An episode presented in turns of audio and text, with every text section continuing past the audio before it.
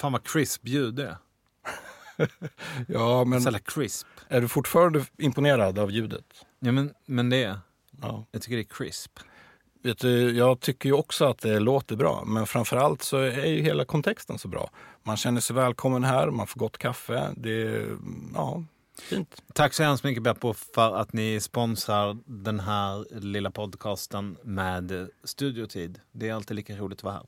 Mycket roligt. Eh, Vi har några andra sponsorer också. Patreons har vi fått några nya. Ja, det rasslar in lite Patreons eh, då och då. Nu har det dykt upp ett par senaste dagarna. Det är Anders Gustafsson och Linus Kansby. Tack för det. Och eh, så har Fritte Fritzson med podcasten Alltid velat veta bestämt sig för att sponsra oss också. Ja, och det tycker vi är fint. Det är alltså hans podcast Alltid velat veta som handlar om allt möjligt helt enkelt. Och det finns massor med avsnitt. Jag har inte lyssnat på de här förut trots att du har rekommenderat den här podden för länge sedan. Men nu i veckan har jag lyssnat på några avsnitt och jag hittade ett avsnitt om framtidens energi Ja. som jag tyckte var väldigt intressant.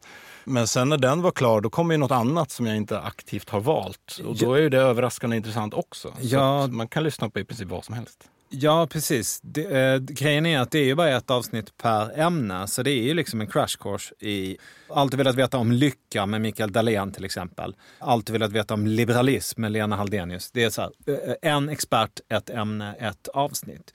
Eh, Och än så länge så har jag faktiskt inte hittat ett avsnitt där jag har stängt av för att det inte var intressant. Utan det känns som att alla ämnen som Fritta har valt ut eh, håller för en timme. Ja. Eh, och eh, det allra bästa avsnittet är nog Alltid velat veta om samerna. Ja. Som är otroligt intressant och rolig och skrämmande historielektion om relationen mellan samerna och, och ja, alla oss andra. Fritte, tack för pengarna. Nu kör vi dagens avsnitt.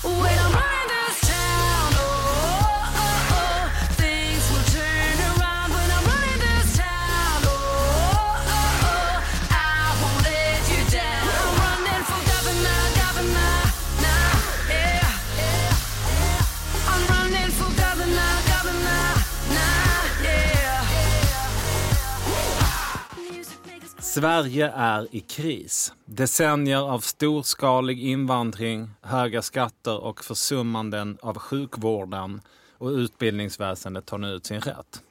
De etablerade partierna kommer inte kunna lösa Sveriges problem, tvärtom. Det är de som är ansvariga för den nuvarande situationen. Sverigedemokraterna har också visat sig ovilliga att ta sig an den uppgiften. De är mer intresserade av anpassning för att få bli godkända av de andra partierna. Sverige behöver ett nytt alternativ. Välkommen hit Gustav Kasselstrand. Du är partiledare för nyss startade Alternativ för Sverige och den här texten är ju hämtad från er hemsida. Eh, va- hur ser den typiska väljaren ut, tror du, som tycker att det här är, är bra copy?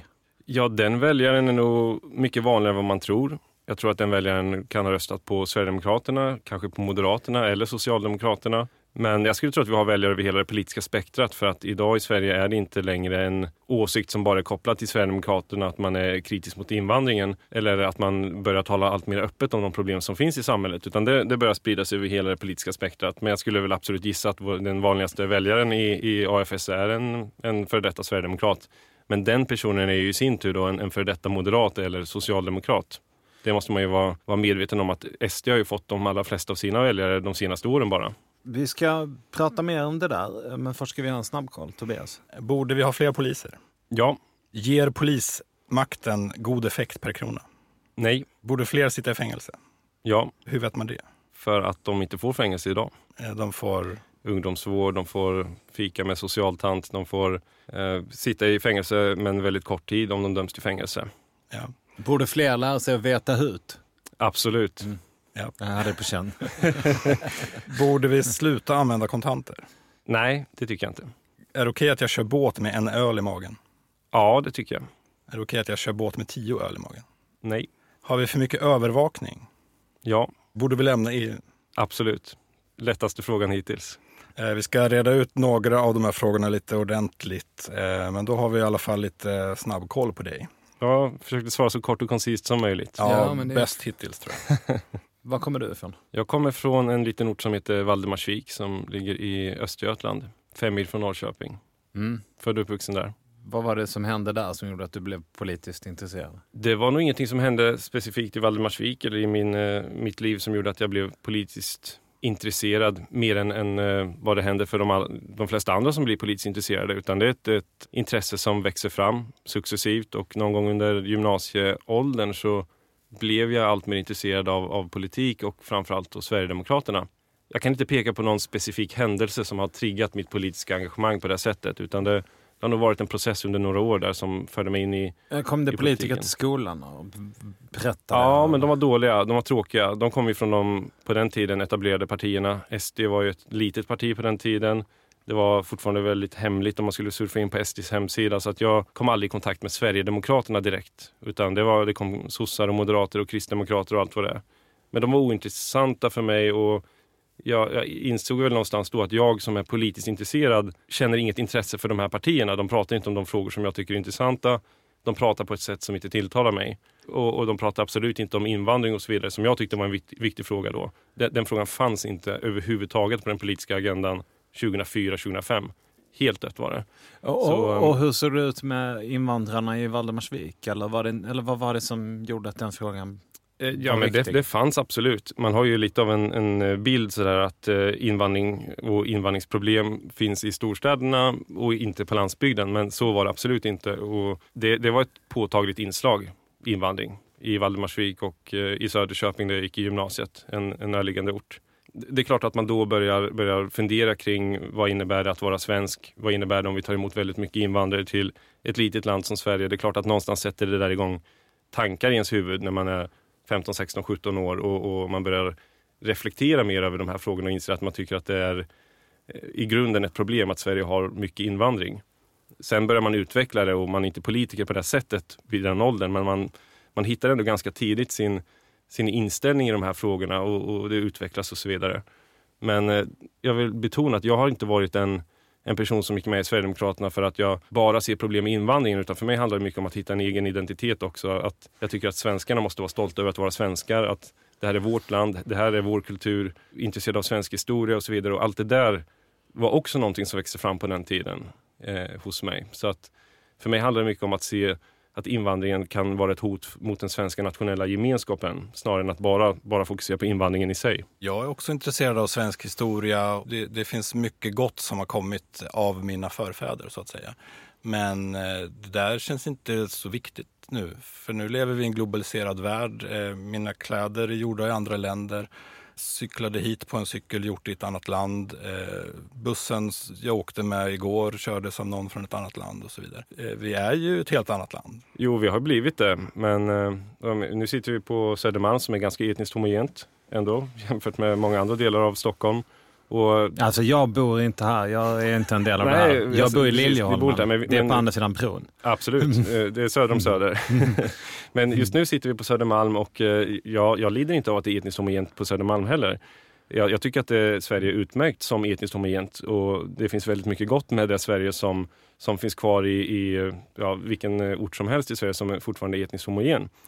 Eh, och och att, att bara tala om svenskheten som att den behöver berikas av andra kulturer, det tycker jag är väldigt nedsättande mot, mot svensk kultur. Det finns få exempel på länder i världen där man så mycket som i Sverige trycker ner den svenska kulturen och säger att den ska berikas och att den är tråkig och så vidare. Det finns ju hundra exempel på den här inställningen. Sen kan kultur berika Sverige eller andra länder, absolut, men det måste vara mer ömsesidigt. Och jag tycker inte att den kultur som har berikat Sverige har varit den som har kommit från Afrika eller Mellanöstern främst, utan den har kommit framförallt från Europa. Men är inte det största problemet att färre bryr sig? Jag bryr mig väldigt lite till exempel. Om, Ja, om Om Sveriges kommer legacy i framtiden. För ett par hundra år sedan, om vi inte hade dödat våra fiender så hade ingen av oss här funnits idag. Då var det viktigt att stå upp för Sverige. Men idag eh, är vi i en helt annan situation. Vi, vi är kompisar med de flesta andra länder i världen. ja, alltså jag, jag tror ju i grund och botten att en värld som blir allt mer globaliserad, där blir det allt viktigare också att hitta sitt eget nationella och lokala. För att världen är absolut den är globaliserad, vi kan resa överallt. Men vilken identitet hittar vi själva? Är vi bara världsmedborgare? Det går inte att bygga en, en fungerande stat eller en fungerande gemenskap på att vi är världsmedborgare allihopa. Utan nationer finns, de kommer finnas kvar. Oavsett hur extroverta vi är med det eller introverta vi är med det eller hur explicita vi är med det så, så kommer nationen att finnas kvar.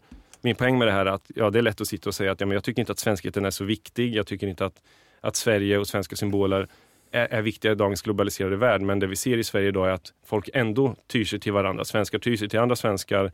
Folk segregerar sig. Så att även de människor som talar om hur lite de egentligen bryr sig om Sverige och svenskar de är också de första att flytta långt ifrån mångkulturen när mångkulturen tränger in i deras områden. Ja, jag, Så, så det där kommer finnas kvar i vilket fall som helst och därför tycker jag att det är viktigt att man inte, att man inte avfärdar nationen som att den är någon form av av, av föredettingssak som inte är aktuell längre. För den kommer vara aktuell hela vår livstid, nationen som idé. Frågan är i vilken form bara. om vi ska dröja kvar lite vid eh, liksom, frågan vem är du? Ja. Och, eh, och sådär. Jag tror jag har fått lite koll på, på vad du tycker i, om den där frågan. Du är nationalist. Mm, absolut. Och eh, liksom eh, värde och kulturkonservativ och Mm. sådär. Va, vad säger du om Galtan-skalan? För jag tänker ju när jag träffar människor som dig, eller med dina åsikter, så tänker jag bara så här, jag, jag är hopplös. Jag är uppvuxen i en multikulturell eh, stad. Jag, jag lägger min fritid på att hänga med människor från andra kulturer och lära mig. Jag är en sån som gärna skulle gå en kurs i att lära mig arabiska för att eh, det, kommer ju, det är ju ett stort språk i Sverige redan och kommer bli ännu större eh, i framtiden. Eh, Varför har du inte gjort det då? Ja, jo, jag kan väl lite arabiska, men... Ja, men Mm. Nej, jag, nej, jag tror inte jag är något bra exempel på... eh, Eh, jag, jag har ju bott väldigt länge i Sunne, som är en liten håla som är full med människor Mm. eh, från Syrien, Mm. som jag känner. Så jag har inte bott i Stockholm mer än ett halvår, så jag är inte, jag är inte ett jättebra exempel på, Nej. på, på surdegs... Eh, hy, eh, det, men, men- de finns i och för sig över hela Sverige. Ja, det gör de, ja, men det gör de verkligen. Och det, de här problemen... Men, men, Ja. men, men tro, kan, det vara, kan det här vara en Galtan-grej? Att du som människa eh, och jag som människa är, liksom, kommer från två olika högar med två olika sätt att se Mm. på saken. Det, det kan det vara. Det kan också vara en generationsgrej. Jag menar, talar man om Galtan-skalan så visst, det är intressant att man breddar höger-vänster-skalan för den är, så, den är ju per definition endimensionell och får vi in två dimensioner så, så kan det berätta lite mer. Men problemet med Galtan-skalan är också att den är laddad i den bemärkelsen att om du är konservativ så kallas du i den skalan för auktoritär och auktoritär är ett mycket mer negativt laddat begrepp än att du är frihetlig eller att du är, är tolerant. Ja. Så, så det, det är en skala som menar, vill du gå runt och säga att du är auktoritär, det är inte ett begrepp som egentligen... nej, men det, är ju det, det är ju det man säger. Om man säger att man vill att fler människor ska sitta i fängelse längre, att det behövs ordning och reda och att folk i allmänhet borde lära sig veta hut. Jo, Det är absolut. definitionen av att vara auktoritärt orienterad. Jo, absolut, men du kan lika gärna säga att För jag är ju mer intresserad av att, så här, eh, mina svar, på- motsvarande svar på de där frågorna skulle vara så här, ja... Ja, min, vi- min poäng är, det, det kan lika gärna säga att jag är för lag och ordning och om, om jag skulle ha ett, ett jämförbart begrepp med auktoritär på andra skalan, då skulle jag säga flummig och lika gärna säga att jaha, men du Ja. tror på, på invandring och mer frihet i skolan och så vidare, men det är ju flum. Mm. Eh, Det är ett negativt laddat begrepp, auktoritär. Så jag tycker att problemet med Galtanskalan är just att det är, den är inte neutral i, i hur den presenterar var du befinner dig, om du är högt upp eller långt ner. Men ja, i, i, Så, så det är någon, eh, det, det är en surdegsmänniska som har hittat på, hittat på begreppen? Det vet jag inte, men, men auktoritär är inte ett, eh, ett neutralt begrepp på det här sättet. Jag menar, I så fall är de allra flesta svenskar auktoritära om de tror på mer ordning och reda i skolan eller åter, återinförd värnplikt och så vidare. Jag tror det är väldigt få svenskar som säger att ja, men jag är auktoritär. För att då tänker du på att det ska vara nästan lite halvdiktatur. Det ska vara här, ingen frihet åt någon. Ja, men... Det, det- vi kan lika gärna säga för, är jag för ordning och reda. Är jag då auktoritär? Allting handlar om, om orden hela tiden och säga att det är flummigt eller att det... Men det är ganska många i Sverige som tycker att det är toppen att Viktor Orbán har fått mer att- att säga till om. Och, och, om man, Mm. om, om det, vad kan det rimligen betyda annat än att man gillar hårda nypor? Ja, och marschmusik? jag, jag, kan, jag kan säga vi har en auktoritär politisk korrekthet i Sverige. Den har ju också varit auktoritär så att återigen, det, det blir lite av en Ja, diskussion med. Vi- ord. Eh, Höger är auktoritära och vänster är frihetliga. Det, blir, det, det, blir, det är inte fair play. Ah, okej. Men jag tänker ju inte, jag tänker ju inte att jag är vänster. Nej, men bara allmänt i den här skalan då. Om du, om Jo. du ligger högt upp eller långt ner så är det väl lite för, förenklat så det är höger vänster.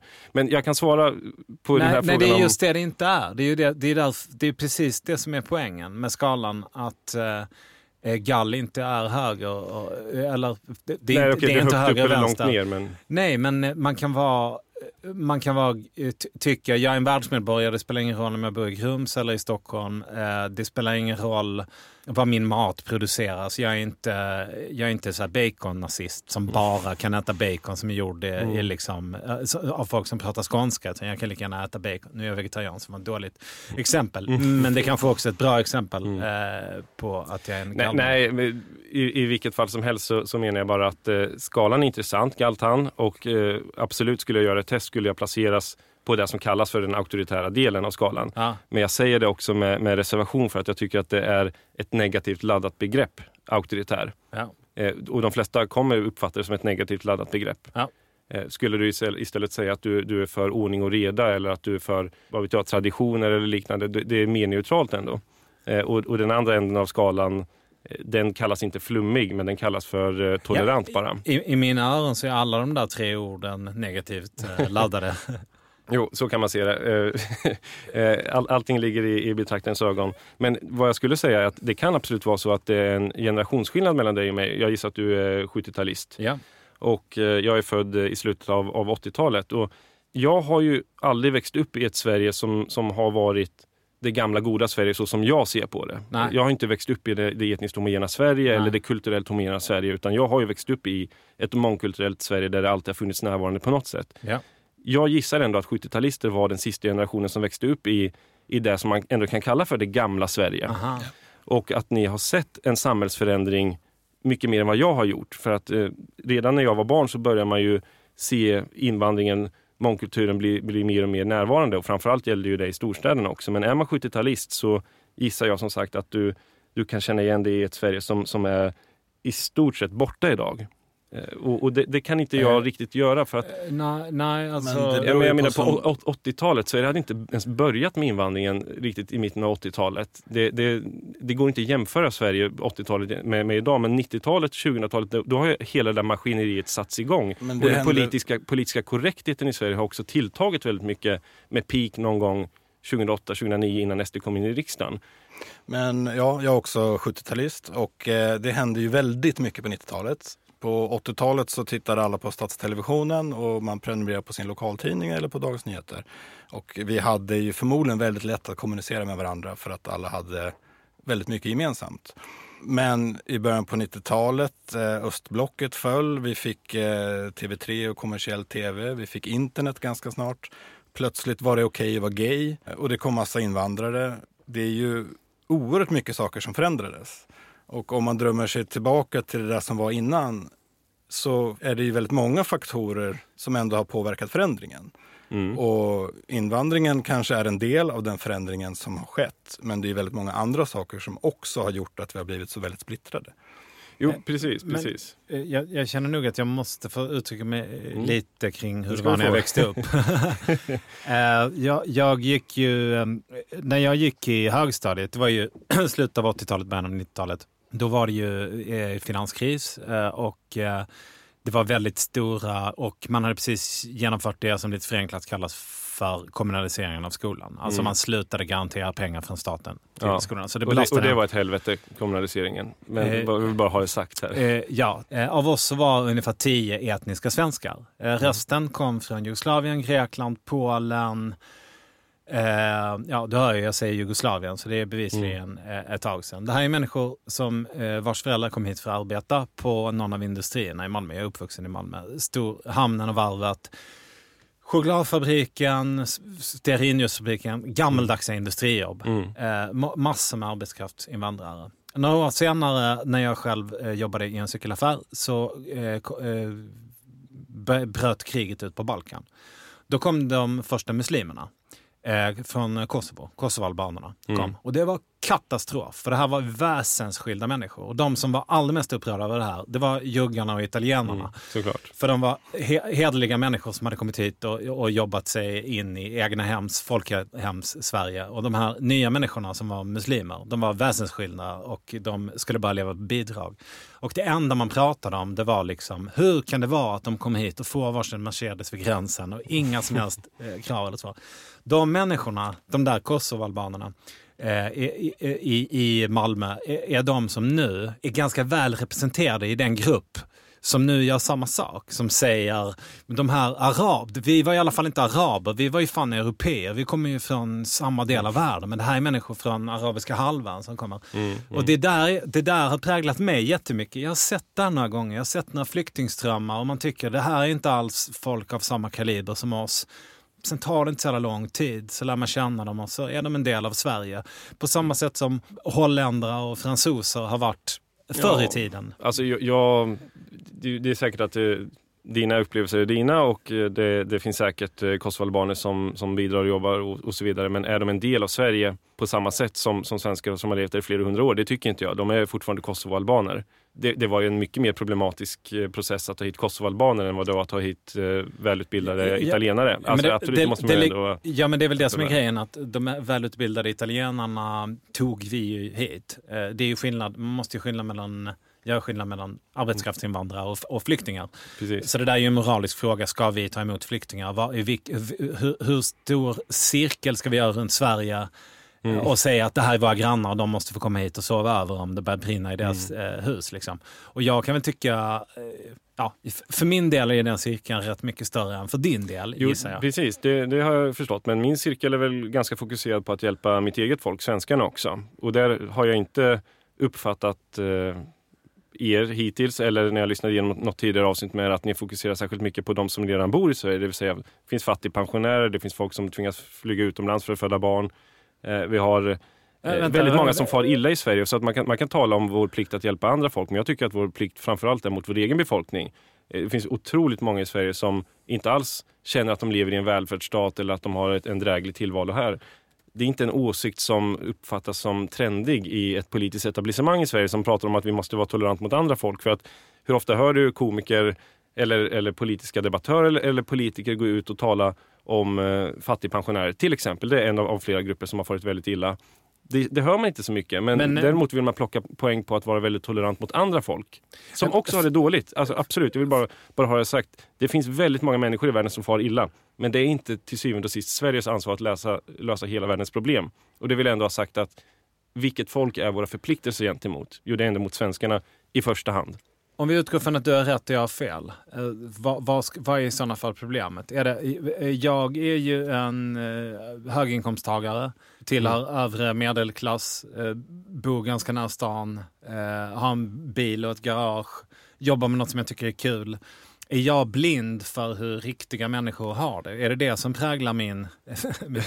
Alltså, jag, jag känner ju inte dig personligen, Nej. så det vill jag inte säga att du, Du är blind. får, Det du får ju- hur generaliserande du vill. Det Men, vore, vore ju väldigt dumt. Men, men jag tror att eftersom Södermalm, där du inte bor, men där vi befinner oss just nu, Södermalm är... Jag vill alltså, ska, att- för er som lyssnar ute i landet så kan jag säga att jag bor alltså 80 meter från Södermalm. Jag bor på andra sidan Liljeholmsbron. Ja, men det var ett ändå inte Södermalm. alltså. Ja. Men, men eftersom Södermalm är den del av Sverige som har flest journalister, den journalisttätaste stadsdelen i hela Sverige. Det är en enorm överrepresentation av journalister på Södermalm. Kommer det här på ett eller annat sätt att prägla deras rapportering av Sverige? Ja, det tror jag. Eh, vi ser att journalister i stor utsträckning röstar på Miljöpartiet. De röstar inte på Sverigedemokraterna. Ja, förmodligen för att de, de eh, är en produkt av att du, du bor i ett eh, relativt välbärgat område som är etniskt homogent, ser inte lika mycket problem som att du bor i ett utanförskapsområde. Och det är klart att du då lever i någon slags bubbla, det gör väl alla människor eh, på, på ett eller annat sätt. Men jag tror att journalistkåren i Sverige har haft väldigt svårt för att ens begripa varför människor röstar på Sverigedemokraterna. Det, det, och, och ofta så blir det där, där något reportage där det ska bli nästan exotiskt att åka ut på landet och träffa en, ja, mer eller mindre, man, man tycker att det är en lantis som bor ofta i Skåne och som röstar på Sverigedemokraterna och uppfattas som trångsynt. Det uppfattas som en helt annan värld. Eh, och det, det är det jag, jag, jag tror har kommit att eh, prägla hela debatten i Sverige, att det finns en total oförståelse för människors oro inför att ha en stor invandring. Det finns en total oförståelse inför att människor känner att politiker inte har lyssnat på dem i årtionde efter årtionde. Mm. Och, och det, det är inte en känsla som särskilt många journalister känner. Jag jag blir inte lyssnad på. Eller invandringen fungerar bra kanske de till och med tycker. Mm. Och det är väldigt, väldigt svårt att möta den typen av människor när man bara tycker att de är någon slags lantisar som inte har någon rätt att yttra sig i samhället. Mm. Du ser ju inte så ofta den typen av åsikter komma upp i de stora medierna. Eller den typen av, av människor få yttra sig. Utan det är kändisar som yttrar sig och där finns det ju en åsiktskorridor som, som man måste hålla sig inom. Och ser vi kändisar som, som går utanför den åsiktskorridoren, Marcus Birro, då blir han persona non grata för att aldrig mer komma tillbaka. Så vem, vem Jo, vågar han får komma något? tillbaks, men han får vara kompis med lantisar. Ja, men så här, Han- har, har du en gång gjort dig ovän med, med etablissemanget så är det ju svårt att backa sig tillbaka in i det. Eh, Men ja, om en journalist säger att eh, invandringen fungerar ganska bra, i vilken utsträckning menar du att det är fel? Ja, i den ut- utsträckningen att eh, invandringen har kostat enorma summor för svenska skattebetalare i, i den bemärkelsen att svenskarna är, utgör en allt mindre andel av befolkningen i Sverige. Och även i den utsträckningen att vi har besinningslöst våld i Sverige som växer fram här som är ett resultat av eh, till stor del invandringen. De flesta som eh, begår den här typen av grova brott är invandrare eller utlänningar. Eh, Det är en effekt av att vi har haft den här invandringen. Sen säger man ja men det har inte med invandring att göra, då måste vi ta hand om dem på ett bättre sätt. Jo fast om det är så att vi har en enorm överrepresentation av till exempel våldtäktsmän bland invandrare, då hade vi inte haft de våldtäkterna om vi inte hade haft den invandringen. Det, det är ändå en enkel slutsats att dra. Så bland annat i de bemärkelserna och, och framförallt i det här att vi skapar ett samhälle som blir allt mer splittrat där vi har olika grupper som lever parallellt från varandra där vi inte kan tala med varandra eller förstå varandra. Det vill säga nationella gemenskapen i Sverige eroderas av det mångkulturella samhället. Sen kan du hålla på med ditt eget personliga självförverkligande och det är väl det folk gör nu för tiden men den nationella Nej, gemenskapen men- blir svagare och svagare. Jag, jag tror att, eh, jag, jag tänker så här, i en tid då vi kan tycka att det är rimligt att flyga till Sydostasien för att bada och äta glass. Mm. Eh, Jag pluggade där några månader faktiskt. Ja okej, ja, men det säger väl någonting. Mm. Det är ju ett tecken på att eh, bollen har blivit mindre. På att jordklotet har krympt. Inte sant?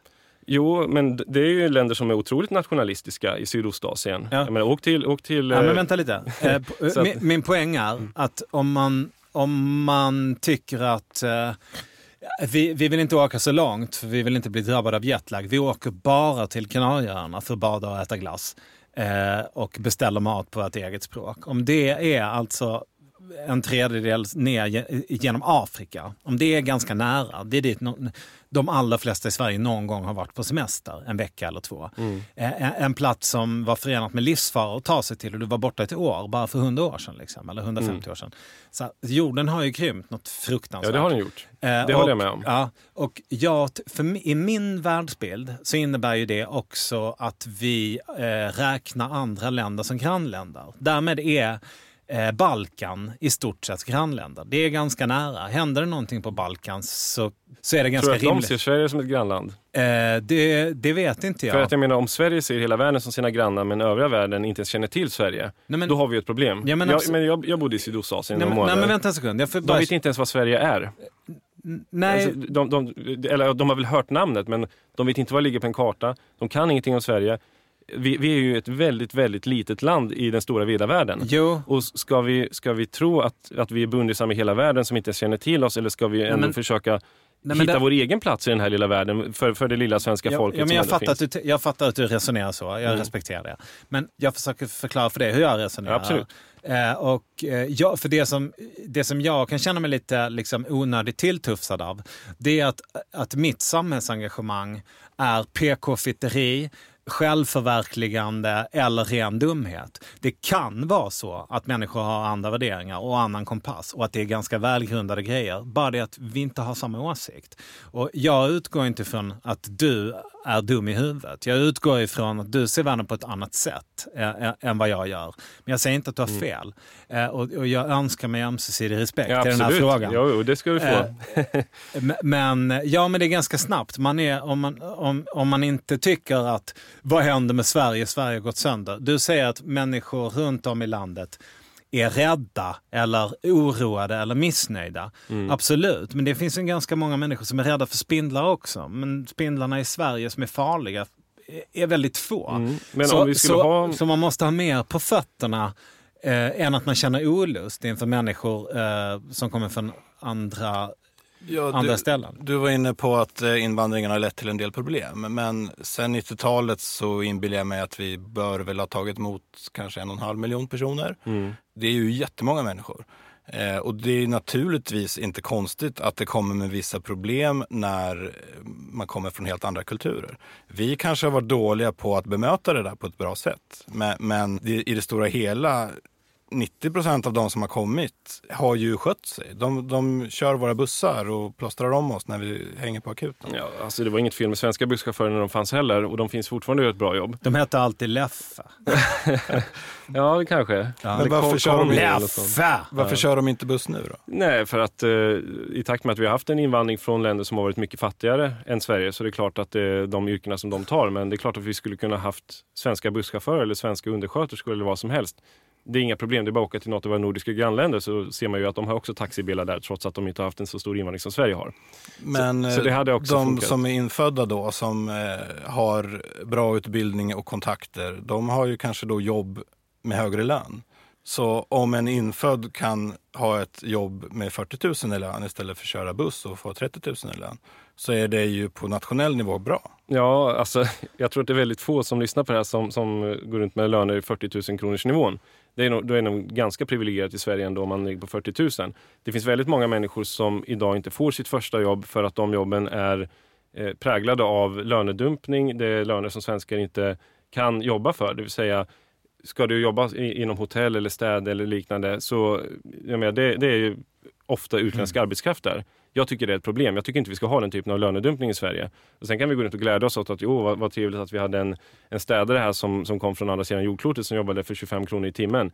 Är det det samhället vi vill ha?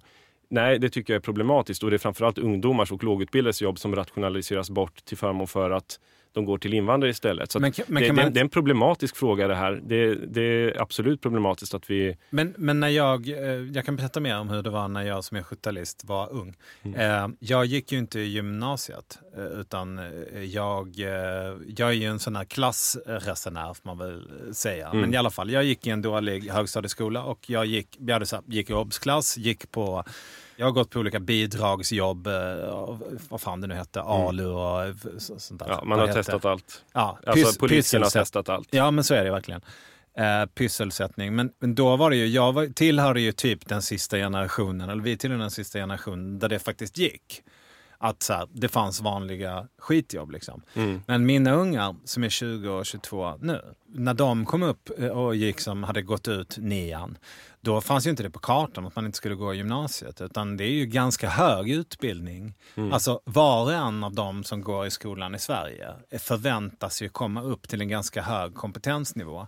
Man är liksom överkvalificerad för de där jobben från dag ett när man är färdigutbildad. Det där är ju någon sorts motsvarighet till vad man brukar kalla för så här McJobs. Alltså du vet, så här, det, det här är ett jobb. Det är väl inte så jävla dumt om det finns jobb som passar. Ja, men du kan inte språket så jävla bra. Du kommer från en fattig del av världen. Du behöver få en chans att komma in eh, i landet. Då jobbar du med det här. Men målet på sikt är att eh, ja, och, sen, och sen klättrar man uppåt i systemet. Liksom. Är inte det ganska rimligt? Ja, alltså vi- vi har ju som sagt många arbetslösa i Sverige. 8% arbetslöshet och eh, en del av dem är svenskar men de flesta av dem är, är människor med utländsk bakgrund. Det är ju problematiskt om ska ha ny låglönearbetskraftsinvandring till de här jobben för då gör det ju ännu svårare dels för svenskar och dels för invandrare som är här att få de här jobben. Jag pluggade i Singapore några månader och där är det uttryckligen förbjudet att jobba under tiden som du pluggar eftersom de vet att du då kommer ta den här typen av enkla jobb som annars skulle ha gått till singaporianer. Det de har det, är högkvalificerad arbetskraftsinvandring för det är ändå ett, i grund och botten öppet land så ekonomiskt. Men till den typen av enkla jobb så vet de att det är väldigt viktigt att vår egen befolkning får de enkla jobben, skaffar sig arbetslivserfarenhet, inte fastnar i arbetslöshet tidigt. Så att de också kan, eh, kan, kan avancera i, i trappan på arbetsmarknaden om man får uttrycka sig på det här sättet. Så, så jag tycker att det, det är synd att, att den typen av arbeten eh, idag blir allt svårare att, att eh, tas av en svensk. Men sen ska man också säga att ja, om det nu är så att Sverige har väldigt få låglönejobb, ändå, internationellt sett har vi få låglönejobb. Det är väl alla överens om, Ja. alla undersökningar, att Sverige har generellt sett ganska kunskapsintensiva jobb. Då är det ju märkligt att vi tar så väldigt mycket invandrare från länder som inte har den kunskapsnivån som ändå efterfrågas i Sverige för att komma in på arbetsmarknaden. Det vill säga vi har invandring av länder där befolkningen går till låglönejobb men de låg- låglönejobben finns inte i Sverige. De flesta politiker drar ju då slutsatsen att ja, men då ska vi ha fler låglönejobb i Sverige. Jag drar slutsatsen att vi ska ha mindre invandrare i Sverige då. Eh, ja, och jag eh, eh, här i PK-fitteklubben. Jag har, jag har ju aldrig sagt att du är PK på det sättet. Men, Nej, men det här går att klippa så att, så att vi implicit anklagar dig för det. Det kommer vi göra. men, men, men, sen, sen måste man ju ändå fråga sig hur många, för du nämnde det förut, jag, jag, jag hann inte svara Mm. på det. Hur många tror i grund och botten på de värderingar de säger sig ha? Sverige är ett land där man byter åsikt ganska fort och när det händer så byter folk åsikt samtidigt. Så det visar sig också nu Det är att en ordentlig generalisering tror jag. För att jag så många Henrik Schyffertar finns det ju inte. eh, Som är, han, han är ju favoritexemplet Han på det. högerflyen på en vindflöjel eh, som, som tycker rätt och som Jo, tänker visst, visst. eh, så. Jag, jag, jag, jag tror inte det är riktigt rättvist mot honom. du Men om folk om- om- Det finns inte så jäkla många. De flesta har väl ungefär, man är uppfostrad av socialdemokratiska föräldrar som har, man, man är väl ganska lik så som man har blivit uppfostrad liksom. Om de i Mjölby sa nu kommer det hit folk från Kisa igen och tar våra potatisar eller Vi är från Mjölby, Ja. du vet Sällskapsresan. De här, är inte familjen Stork? som- Storch. Ja, just. Storch, ja. Ja. De är från Mjölby. Ja, men, ja, men jag tänker det här, det här värsta liksom PK. Alltså jag, jag tror att jag hatar det där ungefär lika mycket som dig. Eh, och jag hatar att bli ihopbuntad eh, m- eh, med det där.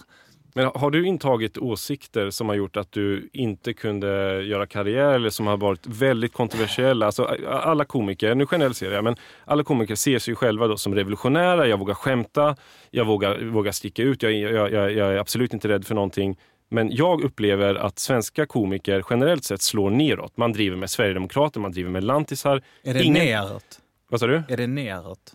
Ja, absolut. Sverigedemokrater styr ju inte samhället. Högern, om man får kalla det så, styr ju inte Sverige. Sverige är ju ett vänsterland. Har styrts av vänsterregeringar eller har haft en sossepolitik väldigt länge. Så om man, om man slår neråt mot folk som man anser vara lantisar eller rasister, eh, folk som är invandringskritiker, det, det är ju billigt. Det är inte kontroversiellt överhuvudtaget. Nej, men men, men hur, kan med det om. komma sig, Ja, ja. hur kan det komma sig att vi inte hade någon komiker som drev med Fredrik Reinfeldts Öppna era hjärtan? Varför, varför driver man inte med makten? Varför har ingen drivit med Stefan Löfven att han knappt kan formulera en sammanhängande mening? För att svenska komiker slår neråt. Nej, men- för, att, för att den här typen av åsikter, Men först och eh, främst, var konsumerar du de är humor? mainstream. De är mainstream. Ja, men var, var är, det, är det på Twitter eller var är det? Ja, överallt i samhället Ja men var, när var du på en, ja, men när du Jag pratar, på nu, TV. men vänta nu här, nu snackar du om mitt jobb. Ja, Var, när var du och kollade på mig senast? Aldrig gjort. Nej, när var, du, kolla, när var du och kollade på Schyffert senast? Ja, men jag ser honom stup i kvarten. Var? Jag var i tv. Senast stod han ju och, och gjorde obscena gester mot folk som röstade på Sverigedemokrater med sina händer och stod och, och skrek och Var? spottade. Ja, det var väl på Twitter förmodligen. Ja. Eller, eller om det dök upp på Youtube. Alltså jag vet Ja. inte, det dyker Nej, upp det, överallt. Det, det är det här som är grejen. Vi kan ju inte ta del av varandras verklighet ja, men, genom att titta genom men- en, hoprullad affisch. ja, men Schyffert får man väl säga, han kom ju fram till att invandringen kostar några pizza och en Fanta. Och, och sen stod han och gjorde obscena gester mot folk som röstade på SD. Jag kan skicka klippet till dig sen om du vill. Ja. Men han är ju bara ett exempel. Ja. Eh, Komiker, Men- de är med men- alla de här... Men vad röstar jag på tror du? Inte en aning. Och, Nej. jag vill egentligen inte gissa för att det blir ju bara en chansning. Ja, fast det är det som är grejen, att om man generaliserar så jävla grovt, eh, då, då måste det tålas att plockas Jo, isär. jo, men- men- du, men- du, du, du frågar om jag har betalat någon sorts pris. Jag kan säga att jag, jag är ju liksom höger eh, i, i, i någon mening. Jag är höger i mitten. Jag har röstat på, jag har röstat på Moderaterna, jag har röstat på Folkpartiet, jag har röstat på Centern. Eh, det, det där, Mm. liksom. Eh, gammeldags höger. Inte all... Ja, 40 år sedan var de väl höger, men inte sen, de sista 40 Ja, åren. ja, men, Men- men- ja men, men vänta nu här, om du är vänsterpartist eller sosse eller miljöpartist, då, då är jag höger. Jo, jo, absolut. Men, men sossarna är höger jäm, jämfört med Feministiskt initiativ också. Så att, jag menar, det, det, det är dumt att kalla sossarna för Men- ett högerparti jämfört med... Men du känner till att vi, att vi har delat upp politiken i höger och vänster, de flesta av oss, ganska länge? Ja, men sossarna och moderaterna har en decemberöverenskommelse som fortfarande gäller i, i praktiken. Ja, men den är några år gammal, men du vet om att det var, det var antingen en moderat eller en socialdemokrat som blev statsminister. Fram tills alldeles nyss så var det 100% säkert att det var så. Jo, jo men absolut. Alltså, men, men du lever ju kvar i en gammal värld där det kanske, alltså Gösta Bomans tid, Moderaterna kritiserar sossarna. Så är det inte längre när Gösta Bohmans tid, när jag gick i nian så var Carl Bildt statsminister. Ja. Vi var många som levde med Socialdemokraternas skräckvälde av maktfullkomlig eh, eh, nepotism, adels, alltså varenda jävla sosse hade far och far. De hette samma sak i efternamn allihopa. Det var en riktig adel. så är det. Det är vi var många som kämpade för befrielsen. För, Absolut, den, men- men för, du- för att slippa, som sa så här, äntligen är vi fria, äntligen slipper vi det här satans förtrycket. Det är den verkligheten jag är Jo, men uppvuxen sen blev det ju med. samma skit i alla fall. Vi har ju haft moderatregeringar, dels i början på 90-talet och dels nu åtta år med Reinfeldt. Ja. Det blev ju inte vad folk eh, förväntade sig Ja. att det skulle bli. Reinfeldt tog in betydligt fler invandrare än vad sossarna någonsin gjorde Ja. till exempel. Eh, Så att, jag menar, Reinfeldt, eller Carl Bildt för den delen, är inte alls högerpolitiker. Nej, inte enligt dig. Men Nej, det- men, alltså man, man måste ju ändå inse att sossarna och moderaterna, skillnaden mellan de två partierna är minimala. Kan du säga en enda fråga idag som skiljer sossarna från moderaterna? Nej, säg en konkret fråga. Nej, just nu är man ju centerpartist. Om man har hjärna och hjärta på rätt ställe så Jo, är men man, man ju måste ändå fråga människor, Alltså- vi- måste man ändå, ändå ha det sagt här. Gå ut på stan och fråga en enda eh, människa, kan du nämna en skillnad på sossarna och moderaterna så kommer de flesta inte att kunna göra detta. Det är två partier som båda är ute efter makt men som är redo att, att byta principer hela tiden. Jag såg senast idag gick sossarna ut och sa att de skulle ha restriktiv invandringspolitik. Eh, Och, och Moderaterna driver det också trots att de satt och applåder- applåderade frenetiskt till Öppna era hjärtantalet av Fredrik Reinfeldt. Det var ingen som sa Ja, någonting. men det där håller jag med om. Ja, så, att, så att sossarna och moderaterna, jag ser dem i grund och botten som, som ett och samma parti. Jag tycker att nyanserna Ja, det, det, är Men nyan, det är nyansskillnader mellan dem. Du ser därför- alltså, jag- en fråga det- och det- nej, det jag ser inte bara en fråga. Jo, du det- pratar om den enda inte. frågan du är intresserad av. Om Nej, du inte bara pratar om ekonomi så finns det ju många skillnader. Extremt vad- vad. Vad är skillnaden då? Vi har ett parti som vill centralstyra det mesta och så har vi några andra som vill delegera så mycket neråt till fria aktörer. Ja, men jag har kollat sossarna och moderaternas budget. Det är inte några enorma skillnader mellan dem. Jag, jag är med i ett parti som vill ha platt skatt. Där kan vi ta stor skillnad mot det etablerade skattesystem som vi har i, i Sverige idag. Moderaterna, ja, de, jag kan inte namnge exakt vilka skillnader de vill ha i ekonomisk politik mot sossarna, för de är så små att jag inte har märkt dem överhuvudtaget. Eh, det här är också eh, någonting som drabbar folk som bestämmer. Som är att de måste förhålla sig till verkligheten, de måste vara pragmatiska, de måste få sina saker. Ingen av dem har egen majoritet när de kommer med sina förslag. Så att de är ju liksom lite sönderregerade allihopa på en och samma gång. Och det är ju lätt när man står utanför det där, om man är antingen då vänsterpartist eller med i, i, i ditt parti, då är det ju lätt att vara ideologiskt clean. Och, och, men, men, men, men det där är väl det som händer när du kommer in och ska komma överens med alla andra. Det är att det blir marginaleffekter. Ja, det är inte säkert. Alltså, vi, vi har ju en enormt intressant förändringsvåg över hela världen nu med Trump och Bre- Brexit. Eh, När det- du säger intressant menar du fruktansvärt skrämmande. Jag tycker den är superintressant och jag tycker att om man inte ser vad Trump gjorde och hur fenomenal hans valkampanj var, då har man bara inte begripit. Då är man konservativ på ett dåligt sätt. Då vill man ju etablera och bevara det gamla samhälle som just nu håller på att, att rämna inför hela världen. Vi såg du- det i Trump, vi såg det i Brexit och jag tror att det där är framtiden, att vi kommer ha politiker i Sverige och i övriga världen som inte traditionellt sett är politiker. De gamla partierna, precis som gamla företag, de kan inte överleva hur länge som helst. Det är ju svårt att nämna företag som är över 100 år gamla. Det finns några få exempel, men de flesta företag har startats den, de senaste årtiondena. Så finns det några giganter som är 100 år gamla eller slutet av 1800-talet i alla fall i Sverige Då. Men, men på samma sätt är det med partier att de, de kommer inte överleva hur länge som helst och de är barn av sin gamla svunna tid. Socialdemokraterna, Moderaterna. Jag tror vi behöver nya partier, nya politiker i Sverige. Och om man inte förstår Brexit och Trump, om man bara säger nej, nej, nej, Trump är en idiot, Brexit borde inte hända, vi borde ha en second referendum. Då har man inte förstått, då är man ju en person som stretar emot den förändring som obönhörligen kommer att ske i hela västvärlden och i Sverige. Då vill man ju bevara något gammalt. Ja, precis så där tänker jag kring befolkningen. Jag känner människor från alla möjliga delar av världen. Några av dem är idioter, några av dem är vettiga och eh, det där är en icke-fråga för mig. Och om någon säger okej, du får sticka till andra halvan av jordklotet och bada, men de får inte komma hit och gömma sig om det blir krig i deras eh, hemland. Då tänker jag, vad var du när flygmaskinen uppfanns? Det, här, det där är, det, det där är, det där är jag- jag tycker en att det- gammal trött åsikt bara. Jag tycker att den person som inte förstår Trump och, Brexit och de enorma framgångar som finns för FPÖ, Österrike eller Nationella fronten i, i Front National. Den personen är konservativ. Det är den personen som inte inser, det är den personen som står och ropar efter snabbare hästar istället för en bil. Som, som Henry Ford sa, att hade folk bara, hade jag gjort vad folk ville, att jag, hade, hade jag lyssnat på folk hade, hade folk fortfarande krävt snabbare hästar. Han tänkte någonting helt, helt nytt. Men, att, Det- men, va- men ditt, va- ar- varför ditt man- argument för din politik är ju inte jag ska ge folk vad de inte vet att de vill ha. Utan du säger ju Nej. människor i Mjölby är faktiskt rädd för, eh, för utanförskapsområden i storstäder. Och jag undrar fortfarande varför det? De åker ju aldrig dit och kollar. Att de, har sett på, att, de har, att de har Twitter är väl inte en anledning, är väl inte en anledning för radikala Men samhällsförändringar? folk här, att någon blir folk, i rädd på Stockholm, Twitter. folk här i Stockholm eller Södermalm är också livrädda. De vill inte ha en flyktingförläggning på Södermalm. Nej, Absolut precis. inte. Nej, precis. Men jag, jag är uppvuxen i en liten, eller jag har bott i 20 år i en liten håla, granne med en flyktingförläggning. Och jag kan intyga att det bor helt vanliga människor där. Vissa av dem är bra på att göra mat, vissa är dåliga på att göra mat, vissa är roliga att snacka med, vissa är tråkiga att snacka med. De flesta vill jobba, de flesta utlänningar som kommer hit är fan, har fan så mycket större respekt för vårt land, för vårt socialförsäkringssystem, för vår arbetsmoral än vad vi själva har. Det är Det vi tror har jag inte ett ögonblick på. Absolut det, inte. Det, det, det är definitivt min bild. Men när vi har sagt så här, nej men du vet, här ska du sitta i möten i f- tre år innan du får rätt och börja jobba.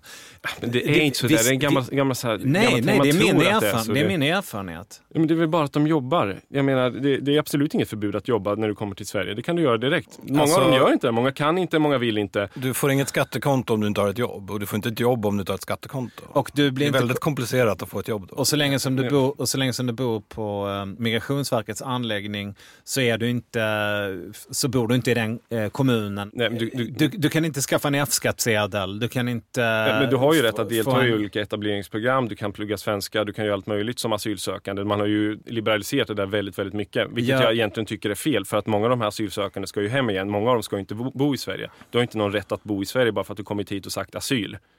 Alltså en del av dem kommer ju skickas hem. Så att det, jag tycker att det är märkligt att man ska få människor att etablera sig egentligen innan vi har fått ett besked om de ens har rätt att vara här. Jo, Många, men- många av dem har kommit hit också och har absolut inte legitima grunder till att stanna i Sverige. Nej, men det vill jag låta vara osagt. Men det har du sagt, i någon utsträckning är det ju sant. Men jag som har bott i glesbygden tänker ju att Sveriges största problem överhuvudtaget är ju att det är typ tomt. Alltså det, det, är så här, det skulle vara skitkul att ha en busslinje mellan Munkfors och, och, och Sunne, men tyvärr, det bor ju inga människor här så vi, har inte, vi kan inte lägga skattepengar på det. Det kommer ju åka två människor den där Det är bussen. därför du vill rösta på Centerpartiet som vill ta hit 40 miljoner invandrare för att fylla våra skogar. Alltså jag personligen så bryr jag mig inte om om människor har bott i fyra generationer i, i Valdemarsvik eller inte. Personligen har jag svårt att engagera mig i den frågan. För mig är det en icke-fråga. Eh, om jag tittar på alla politiska partier bara med de glasögonen, hur ser de på människor eh, som kommer från andra länder? Nej, då, då är det inte så stor eh, skillnad. Utan hur man behandlar människorna som är här, både vi som är födda och vi som inte är födda här. Det är det som är den stora grejen. Vad ska vi ha för möjligheter att förverkliga oss själva? Vad ska vi ha för möjlighet att behålla frukten av, av det som vi själva har sått? Vad ska vi ha för möjligheter att eh, hålla ordning och reda eh, på varann och sådär? Det är ju det jag är intresserad av. Men, men då måste jag ställa en fråga. Finns det någonting som Sverige inte har gjort som du tycker vi borde testa för att integrationen skulle bli bättre? De senaste 30 åren. Vi har ju testat en hel del enligt min mening. Vi har testat eh, alla möjliga typer av subventionerade anställningar, vi har testat bidrag, vi har testat allt för att få integrationen att funka. Det har inte funkat. Anders Borg eh, hävdar att han eh, under andra alliansregeringen så träffade han fackföreträdare 300 gånger för att förhandla om någon slags eh, inträdesjobb. Kollektivavtalen förutsätter ju ganska höga löner och kommer man hit utan kontakter och utan språkkunskaper så är det ju svårt att matcha den där lönen. Men skulle han ha fått till ett avtal så hade ju de här personerna förmodligen kommit in i arbete mycket snabbare. Men då hade Men vi han haft lönedumpning för, för svenskar också. För att du kan inte bara ha lönedumpning för en viss grupp, utan det, det spiller över på hela samhället. Så är det. Så, så, Det är ju ett inträdesjobb för folk som inte haft jobb förut. Det här hade kunnat funka för ungdomar också och hade varit ganska bra.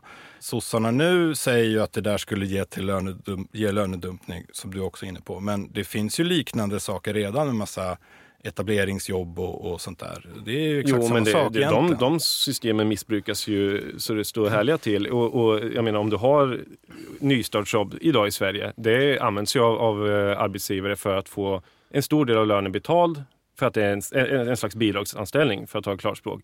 Och när den, när den anställningen löper ut, för den är bara tillfällig, då anställer du någon ny på nystartsjobb. Precis. Så, så att de flesta som har haft ett nystartsjobb, Det- det är så- retoriken är ju att ja, men då ska den komma in i samhället Just på det. den ordinarie arbe- arbetsmarknaden. De flesta får inte en ordinarie anställning efter nystartsjobbet. Jag, jag eh, delar den bilden. Eh, Men min poäng är, alltså, det, här tror jag är själva svar, alltså den underliggande frågan ska jag försöka besvara.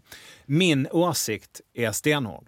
Du kan inte vara för i stort sett fri invandring utan att Alltså, för, för, jag drar upp det här gång på gång på gång på gång, men jag, det är den bästa bilden jag har. Du kan inte säga för mig är det skitviktigt med sopsortering och sen slänga allting i samma hål. Du kan inte säga jag är för fri invandring och jag tror stenhårt på att det går att integrera människor.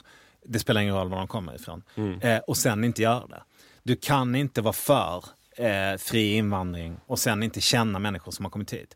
Utan om du är för om du är av den åsikten, att du, då måste du lägga ner ganska stor del av din fritid på att se till att lä- och hjälpa till att slussa in Absolut, människor och lära ut. Vad ja. Det, Eh, det finns ju den här jag- NIMBY, NIMBY-mentaliteten. Ja, Not in my absolut. backyard. Jättegärna invandring, men just inte här. Det passar Nej. inte så bra. Och det sa de ju även ute i Täby. Det var väl till och med var det Reinfeldt? Jag är inte helt säker som sa att jo, men det passar inte så bra just i Täby för då får de en orimlig bild av vad Sverige är. Det är bättre att de integreras i Rinkeby. Ja. Och jag, menar, jag har respekt. Jag vill säga, jag har respekt för att svenskar vill bo i svenska områden. Jag kommer inte kalla folk för, för rasister för att de vill bo med andra svenskar. Och jag säger själv, jag vill bo i ett svenskt område. Jag vill inte att min trappuppgång ska bli full med afghanska eller arabiska namn. Nej. Jag, jag är inte för den integrationen. Nej. Eh, Jag är men- för den integrationen. Ja, precis. Jag är inte det. Men jag är åtminstone ingen hycklare. Jag Nej. låtsas inte någonting Nej, och lever på ett annat sätt. Utan Nej. jag säger precis vad jag tycker. Ja. Och det skulle vara mycket bättre om folk sa att ja, men jag är för invandrare men jag vill fan inte lära känna invandrare. Det skulle vara mycket enklare. Men, men svenskar, de, de, svenskar låtsas ju vara världens modernaste och godaste folk. I praktiken är vi det inte. Men i teorin är det väldigt, väldigt viktigt att man är god. Att man, tror att, man, att man jamsar med i det här. Men, Men- men, men det är ytterst få, ytterst få människor i Sverige som lyckas leva upp till den här politiskt korrekta Eh, idealen. Nej, det är det inte. Men eh, det, det är inte det. Det är inte min bild. Det de som bor finns- i Ja, utanförskapsområden, men det, det- är Sverigedemokrater. De som bor där, det är ju Ja, Sverigedemokrater. ja, men det, det finns inte bara utanförskapsområden och Nej, innanförskapsområden. visst. det är en det är wide spectrum. Ja. De allra flesta människor som jag känner är eh, samhällsengagerade på ett eller annat sätt i olika frågor. Det här är bara en aspekt. Det finns de som lägger ner jättemycket energi på eh, klimatfrågor eller på eh, att- ta hand om... Alltså, det, det finns tusen sätt att vara samhällsengagerad på. Att ta hand om människor som inte är födda här är bara en liten del. Men, men de allra flesta människor jag känner har inte Twitter. Och vi ska inte tro att det där är hela beskrivningen. Utan jag ser ett land fullt av engagemang, socialt engagemang. Och jag vet massor med ställen där de mest oväntade kombinationer av människor faktiskt kommer överens. Eh, Men jag, är inte heller, jag har inte heller tillbringat större delen av mitt vuxna liv inne i stan i Stockholm. Utan jag har bott på, stä- på ställen där, det Absolut. där, där, eh, människor från andra länder kan vara ett välkommet tillskott i befolkningen. Det var ganska tomt här eh, nyss. Eh, Och eh, det är ganska kul eh, att det kommer hit nya människor. Ni är inte precis som de som flyttade härifrån. Men det gick visst att bli det- kompis med er också.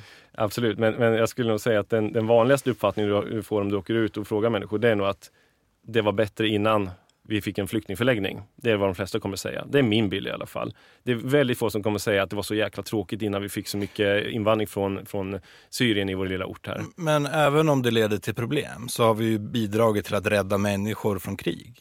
Ja, Är det alltså- inte okej att vi får lite stökigt om vi samtidigt räddar livet på massor med människor?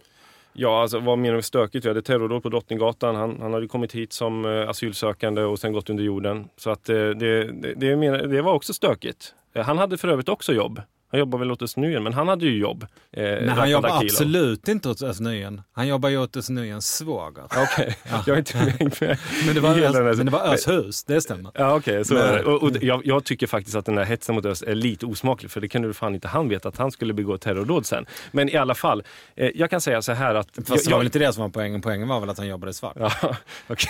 Och Men eh, Jag har aldrig riktigt förstått den där. Jag har aldrig riktigt förstått eh, exakt vad det problematiska har varit i storyn. Om det har varit det svarta eller att han sen begick ett terrordåd. Men, Nej men det var väl också att Ös blev väldigt, väldigt arg på Ja, Jenny jo. Josefsson. ja, då, Eh, då blev det ju en riktig ja. affär just, just av den reaktionen. Jag kan, jag kan säga att Ös är, är eh, en av de bättre människorna som jag känner. Mm. Jag, eh, han, han är en oerhört eh, engagerad och eh, fin människa som försöker leva som han lär. Men eh, Mm. Han är väl en kurdisk nationalist? Eh, jag han, eh, ja, precis. Ja, alltså, jag, jag har nog Jag har aldrig förstått varför han är så emot svenska nationalister, för, för kurderna ska ju få vara nationalister. Eh, ja. Jag har ändå eh, personligen uppfattat honom som väldigt negativ till nationalister i Sverige. Men jag vill bara säga en sak här om, om, utan att diskutera Öss, jag känner inte honom. Eh, och det är just var har man levt och, och hur formar man sin, sin världsbild och så vidare. Jag, jag har ju levt på den svenska landsbygden och man får säga Valdemarsvik en liten håla i Sverige. Som vilken håla som helst. Wow. Och sen, sen flyttade jag till Göteborg och sen har jag bott i Stockholm. Eh, bott i Tyskland och pluggat lite och sen bodde jag i Helsingfors och även bott i Singapore och studerat lite. Och överallt jag kommit så har ju det varit, särskilt när man åker utanför Sverige, så har det varit länder som har haft en mycket, mycket mer öppet debattklimat än Sverige. Och åker du bara till Finland eller något annat nordiskt grannland så tycker de att Sverige är extremt politiskt korrekt. Ja. De tycker att Sverige generellt sett är fjolligt och vänster och att ingen får säga någonting utan att bli kallade för rasister eller något annat. De har ju den här bilden av Sverige. Dels, visst, det är modernt tycker de, men, men det är också ett samhälle som skrämmer dem lite för att det är väldigt, väldigt tillknäppt i den politiska debatten och, och folk är rädda för att säga någonting. De tycker att det är, lite generaliserande så tycker de att det är ett vänsterextremt dårhus. Om du frågar väldigt många människor i andra nordiska länder. Jag, jag fastnade på ordet fjolligt, för jag tänker att det är väl verkligen en av de grejerna som jag är stolt över. Att bo Mm. i ett äh, fjolligt land. För jag tycker att det känns jävligt, det där ofjolliga som man stöter på i Finland till exempel, eh, känns jävligt eh, gammaldags och, och lite förr i tiden på ett sätt. Som, det finns ju massor med grejer som man kan vara stolt över. Liksom. Att, att, vi, att vi är ett undantag behöver ju inte vara något Mm. Nej, men de dåligt. tycker väl eh, kanske... Men det räcker, du kan åka till Danmark eller Norge också så varnar ju de för Sverige. Eh, Sylvie Listhaug i Norge varnar för det svenska tillståndet, det vill inte ha Norge. Jyllandsposten i Danmark har varnat för inbördeskrig i Sverige. Eh, den här typen av tongångar och den bilden av Sverige finns i våra nordiska grannländer och det är ju inte länder som är omoderna på något sätt eller som, är, som, som vi Det kan man diskutera faktiskt. Nej, jag, jag tycker att vi har jättemycket att lära av våra nordiska grannländer. Men det finns ju i Sverige ett stormaktsvansinne som, som gör att vi tycker att vi ska uppfostra andra länder. Men sen inser man när man åker utanför, vi har den här förljugna inhemska självbilden i Sverige, påminner om DDR. När vi väl, man får den här intutat i sig att Sverige är världens bästa land, DDR är världens bästa land. Sen åker man utanför och ser att det finns ingen som vill ta efter Sverige.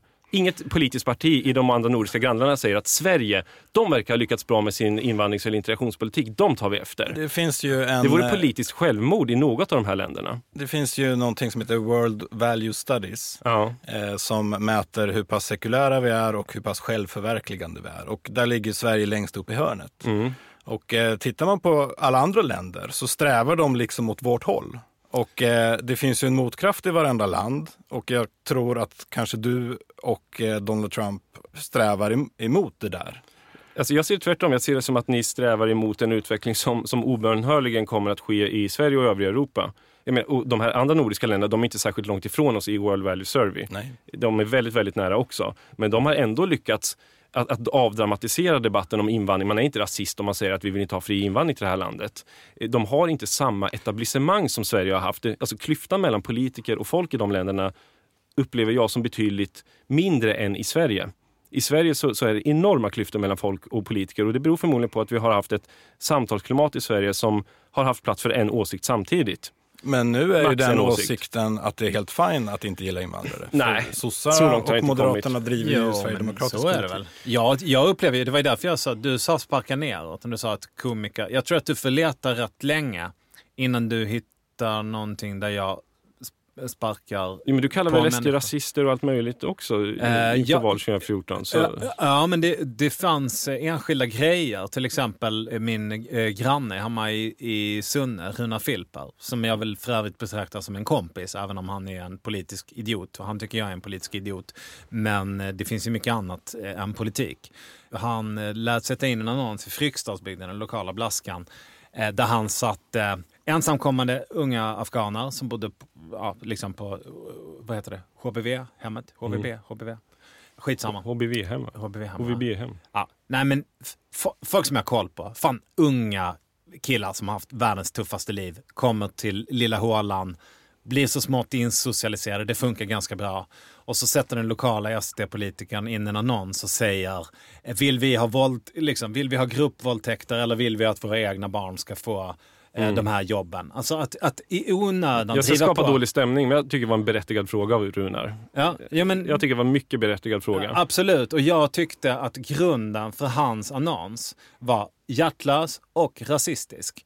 Det finns, och nu får du hålla i hatten, eh, människor eh, i, inom partiet SD och säkert i din egen rörelse som uttrycker rasistiska åsikter, som diskuterar utifrån en rasistisk utgångspunkt. Och då måste man få säga att det där tycker jag är rasistiskt. Det betyder inte att du är rasist, men du kan mycket väl komma dragandes med rasistiska både det- åsikter och slutsatser. Det, det blir bara så löjligt när allting är rasism i, i Sverige. Nej, men det kan du inte säga att jag har sagt. Nej, jag, nej men, men den där typen av, av eh, tankefigurer, att eh, ja, han varnade för att det skulle bli fler våldtäkter av afghanerna, det är rasism. Jo, fast i vilket annat land som helst i Europa, nästan, inte alla, men, men i de flesta länder i Europa och framförallt om du åker utanför Europa, Ja. att varna för att det blir kriminalitet av invandring, det är normalt. Det är inget som är rasistiskt där. Och om det nu är rasistiskt, ja, då är jag lika mycket rasist som alla andra svenskar som också oroar sig för att kriminaliteten kommer gå upp när vi tar emot afghanska så kallade jag, barn. Jag, ja, men det jag menar är, ja, men du kan inte säga så kallade om de här individerna som jag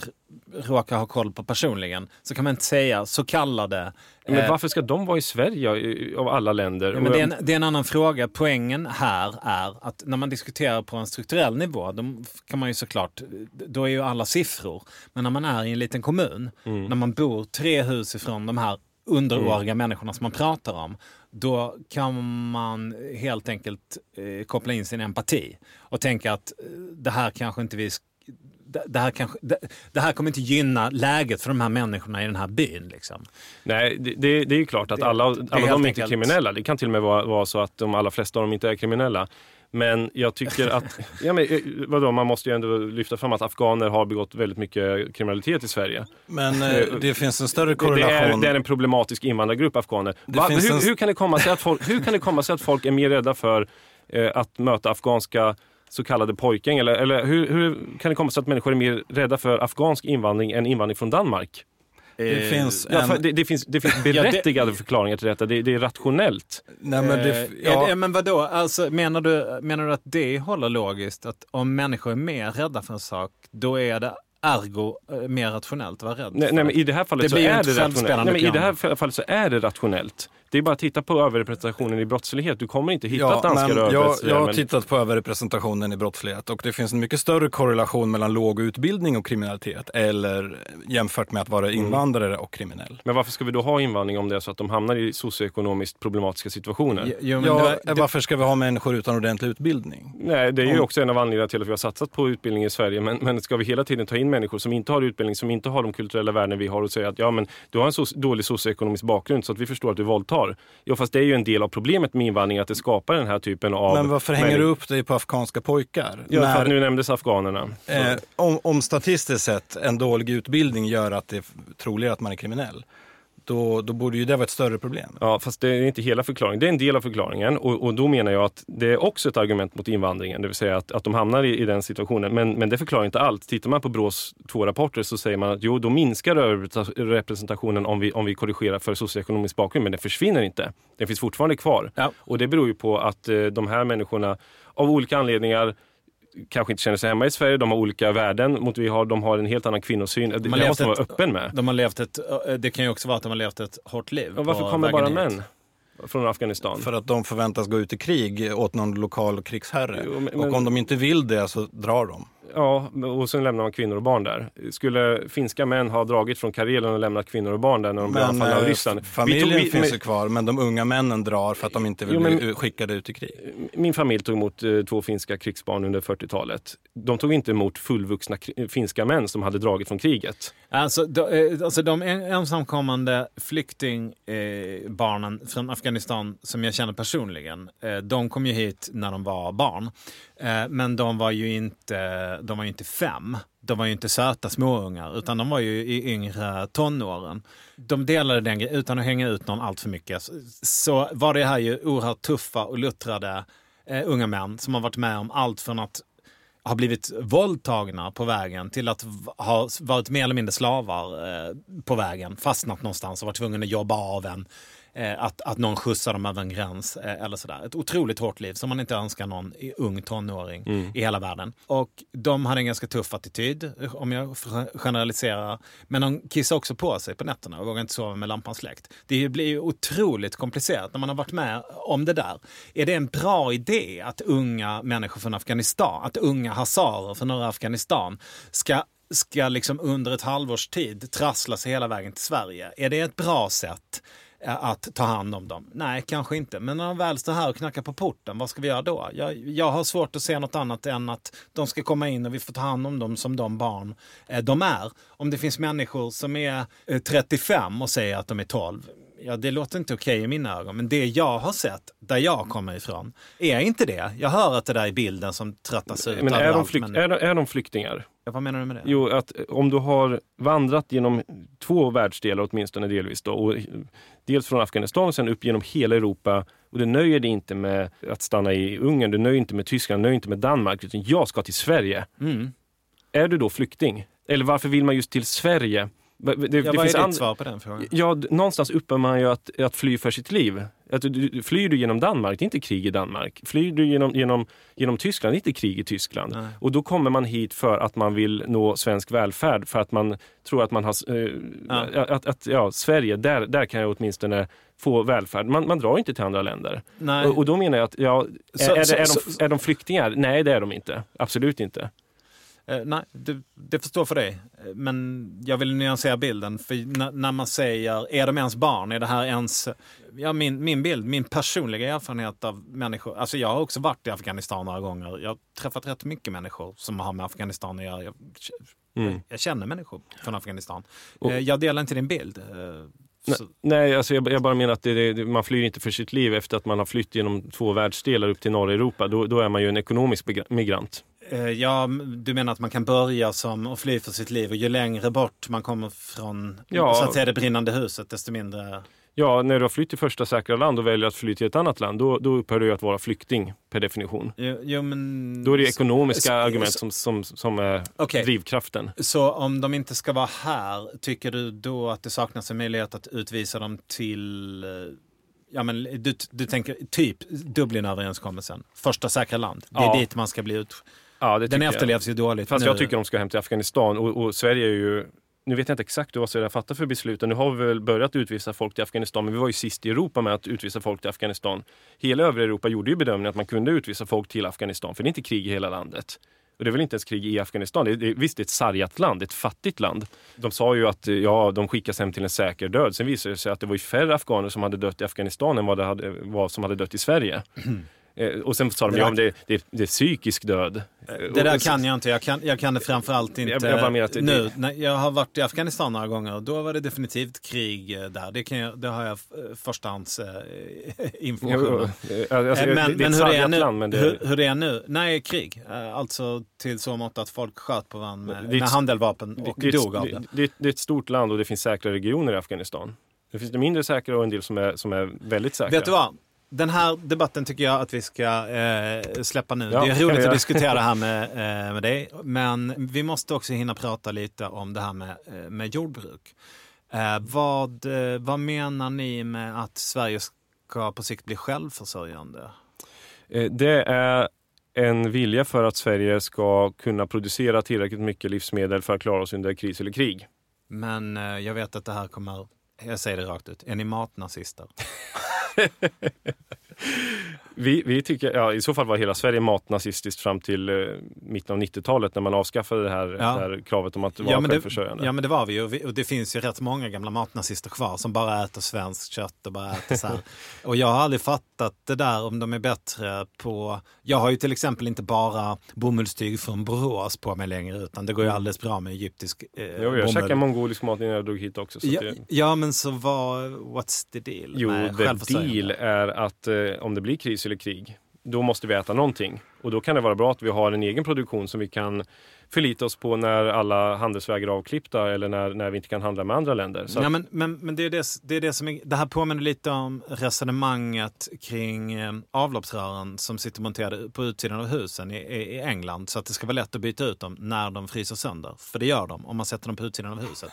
Eh, om man klipper av eh, ha- handel eh, med de andra länderna. För att man ska vara självförsörjande utifrån att ifall att man råkar bli avklippt. Alltså ekonomisk integration med, med de andra länderna eh, är ju ett bra sätt eh, är ju ett bra sätt att, att, att slippa någonsin behöva testa och se hur det är att vara självförsörjande. Du är ju nationalekonom. Du måste ju Ja. se att vi har blivit rika på den här, det här utbytet. Jo men vadå, man kan ju säga att eh, det är bra att träna men det är ingen garant för att du inte någonsin blir sjuk. Nej, det är klart. Eh, Så, så att det är väl klart att vi ska göra vad vi vill för att och så mycket vi kan för att ha, ha god handel och god relation med andra länder.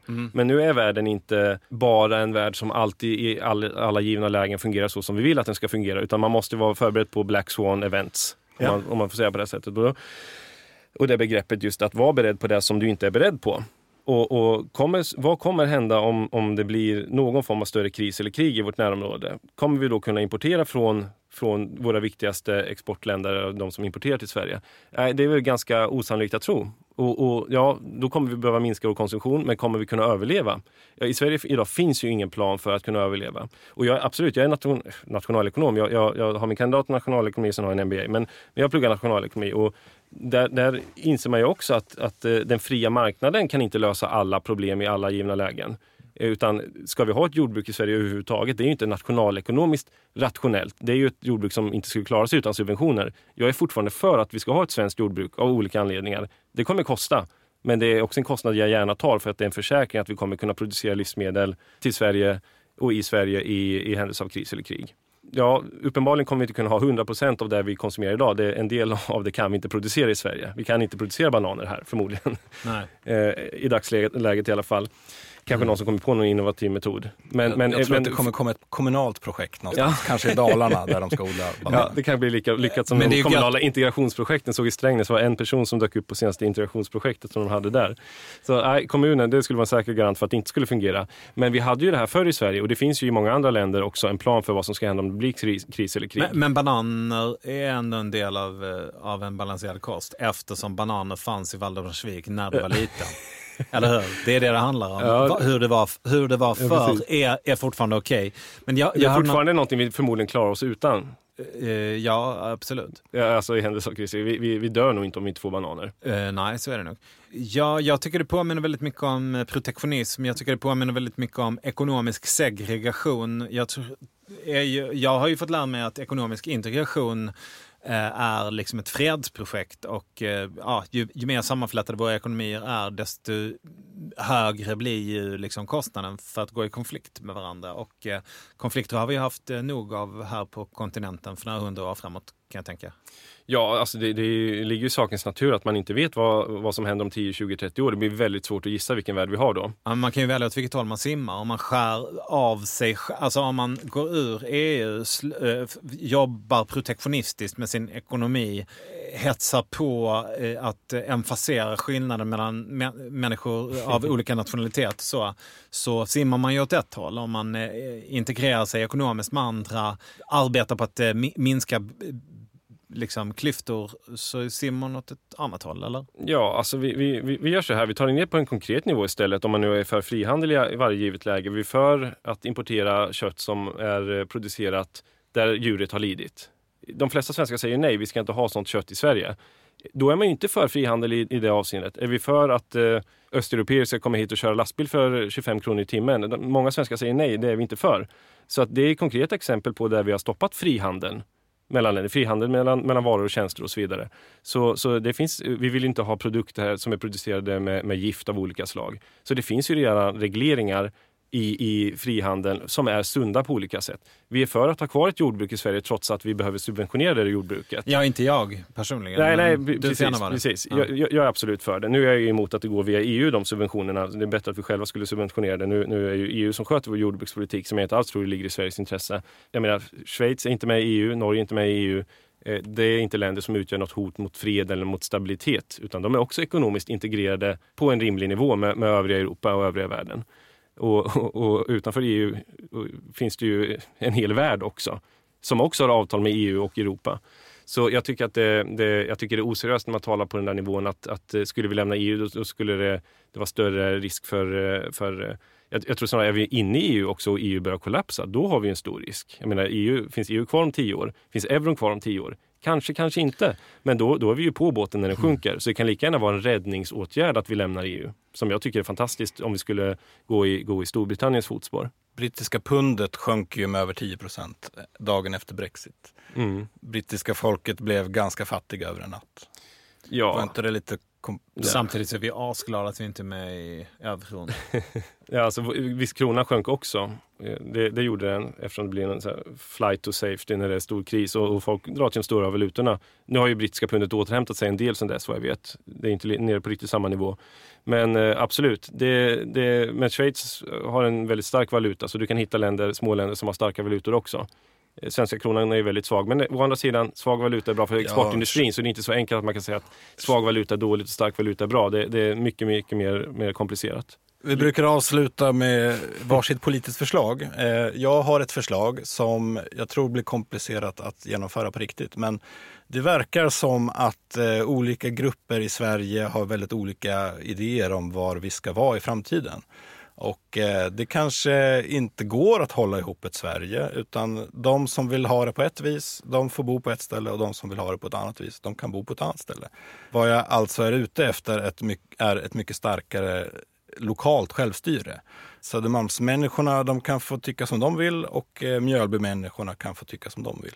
Vi, vi måste få tycka olika, men vi kommer bara hamna i bråk om vi inte kan mötas. Och det, det finns ganska mycket som tyder på att vi inte kommer kunna mötas. Vi blir allt spretigare i framtiden tror jag. Alltså, det är intressant eh, med decentraliseringen och jag, jag är inte motståndare per automatik till decentralisering. Schweiz är ett intressant land som, som är i grunden decentraliserat. Eh, Sen finns det ju alltid de saker som måste beslutas på en nationell, på en gemensam nivå. Vi ska ha förmodligen tåg mellan de olika städerna, vi ska ha ett försvar, vi ska ha ett, eh, en kraftindustri och så vidare. Så att man kommer inte ifrån att om vi nu ändå ska ha kvar Sverige, vilket jag hoppas och kommer kämpa för hela mitt liv, då, då kommer det behövas finnas någon form av gemenskap i det här landet. Annars så delar vi upp län- i Sverige i olika länder.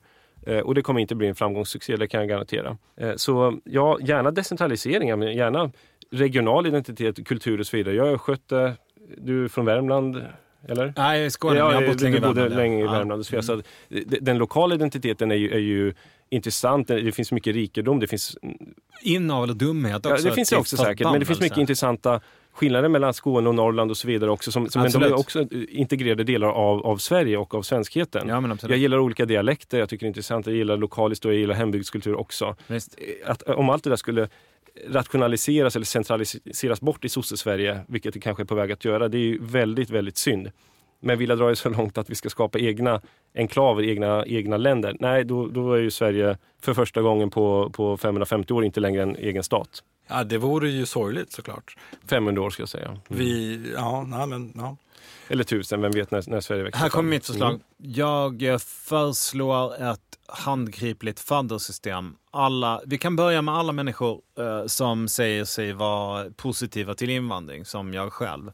Blir tilldelad två människor eh, att ta ansvar för. Det handlar om visa hur man fixar ett lånekort på bibblan, eh, visa var ungdomsmottagningen ligger och förklara varför man ska skicka dit ungarna när de eh, börjar bli större. Det är mitt förslag. Och, och man är tvungen att bli fadder när staten säger åt en att man ska bli fadder, eller? Jag, jag vet inte exakt hur det ska lösas tekniskt, men vi kan ju börja med de som svarar ja på frågan. Är, tycker du att det är en bra idé? Tycker, ser du positivt på att det kommer hit människor från andra länder?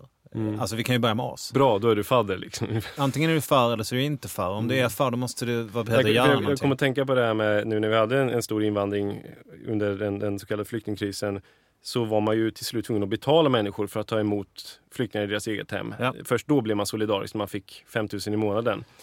Eh, Så, så det visade sig ju att folk var inte alls intresserade av att ta emot flyktingar i sitt eget hem om de inte själva kunde tjäna en kosing på det.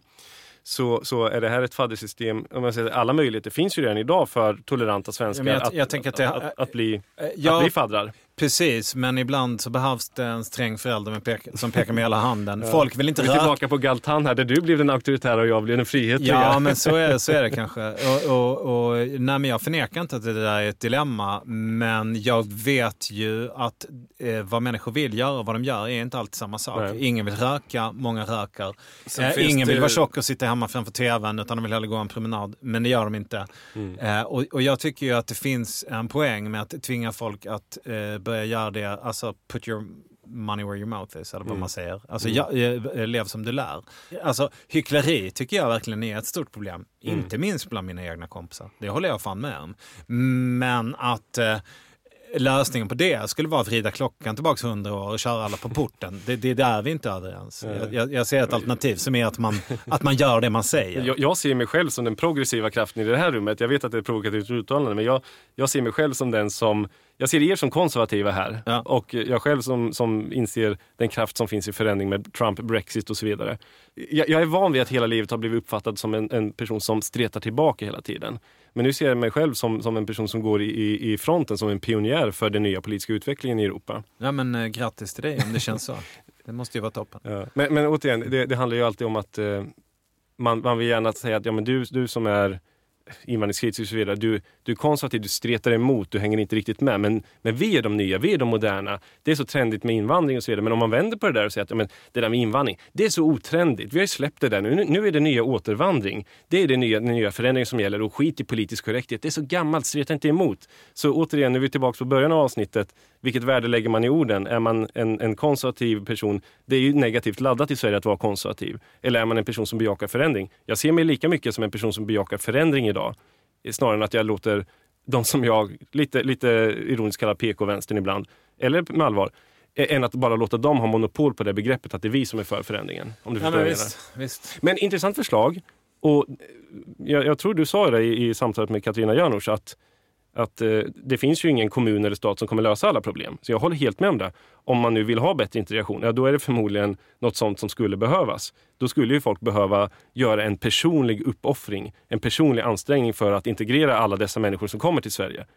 Jag ser att folk inte är redo att göra den ansträngningen. Vi har ju haft en stolt tradition av att betala hälften av det vi tjänar och sen ska någon annan sköta allt åt oss. Vi ska inte behöva träffa våra gamla Be- precis. farmor och farfar. Nej, det är det. Uh, Ulla Söderholm uttryckte det där jävligt roligt någon gång att, att liksom, vi betalar pengar för att aldrig mer behöva träffa morfar. Om, om, om, jag, om jag behöver träffa morfar en enda födelsedag till, då har samhället svikit. Ja, Eh, och det och är samma perspektiv. Ja, jag tror, det är så jag ser på det absolut. med integration. Att, Ja, att, att, att, att, att liksom, vad fan, vi, vi accepterar skattetrycket om vi bara slipper leva. Alltså jag kan till och med se det som att vi betalar för att slippa leva våra egna liv. Mm. Och, för jag tycker ju att det där att stöta och blöta idéer med andra människor, tjafsa om vad som är rätt och fel, är ju en viktig del av livet. Mm. Eh, eh, och ehm, Nej, men det där är ju väldigt bra formulerat och, och även om vi inte håller med varandra politiskt så, så stämmer ju det där. Det, det är vi alla överens om ändå, Ja. att, att, eh, att man betalar sig fri från ett eget ansvar. Och i alla, det gäller inte bara invandring, det gäller allt möjligt. ja, det är det. Du nämnde med, med exemplet med, med sina äldre också. Ja. Är det så att det, vi bara ser dem som personer som ska skickas bort till äldreboenden och fan inte göra sig besvär i samhället? Ja, Det är ju väldigt tragiskt i så fall. Och på det sättet så tror jag att välfärdsstaten med, med alla de fördelar vi har av en välfärdsstat har ju också gjort civilsamhället mycket, mycket svagare. Där är vi överens. Där är Ja. vi överens, så där tror jag att vi sätter stopp. Från botten av mitt hjärta, det var mycket roligt att prata med dig. Jag hoppas, att det går, jag hoppas genuint att det går mycket dåligt för dig i valet. Jag hoppas att ni får 3,9 Ja, procent. nu, det var bra. Jag, hade Jag varit- hoppas jag- också att du får tre. jag har varit, hade varit orolig om jag fått något annat Ja. än det beskedet just nu. Ja.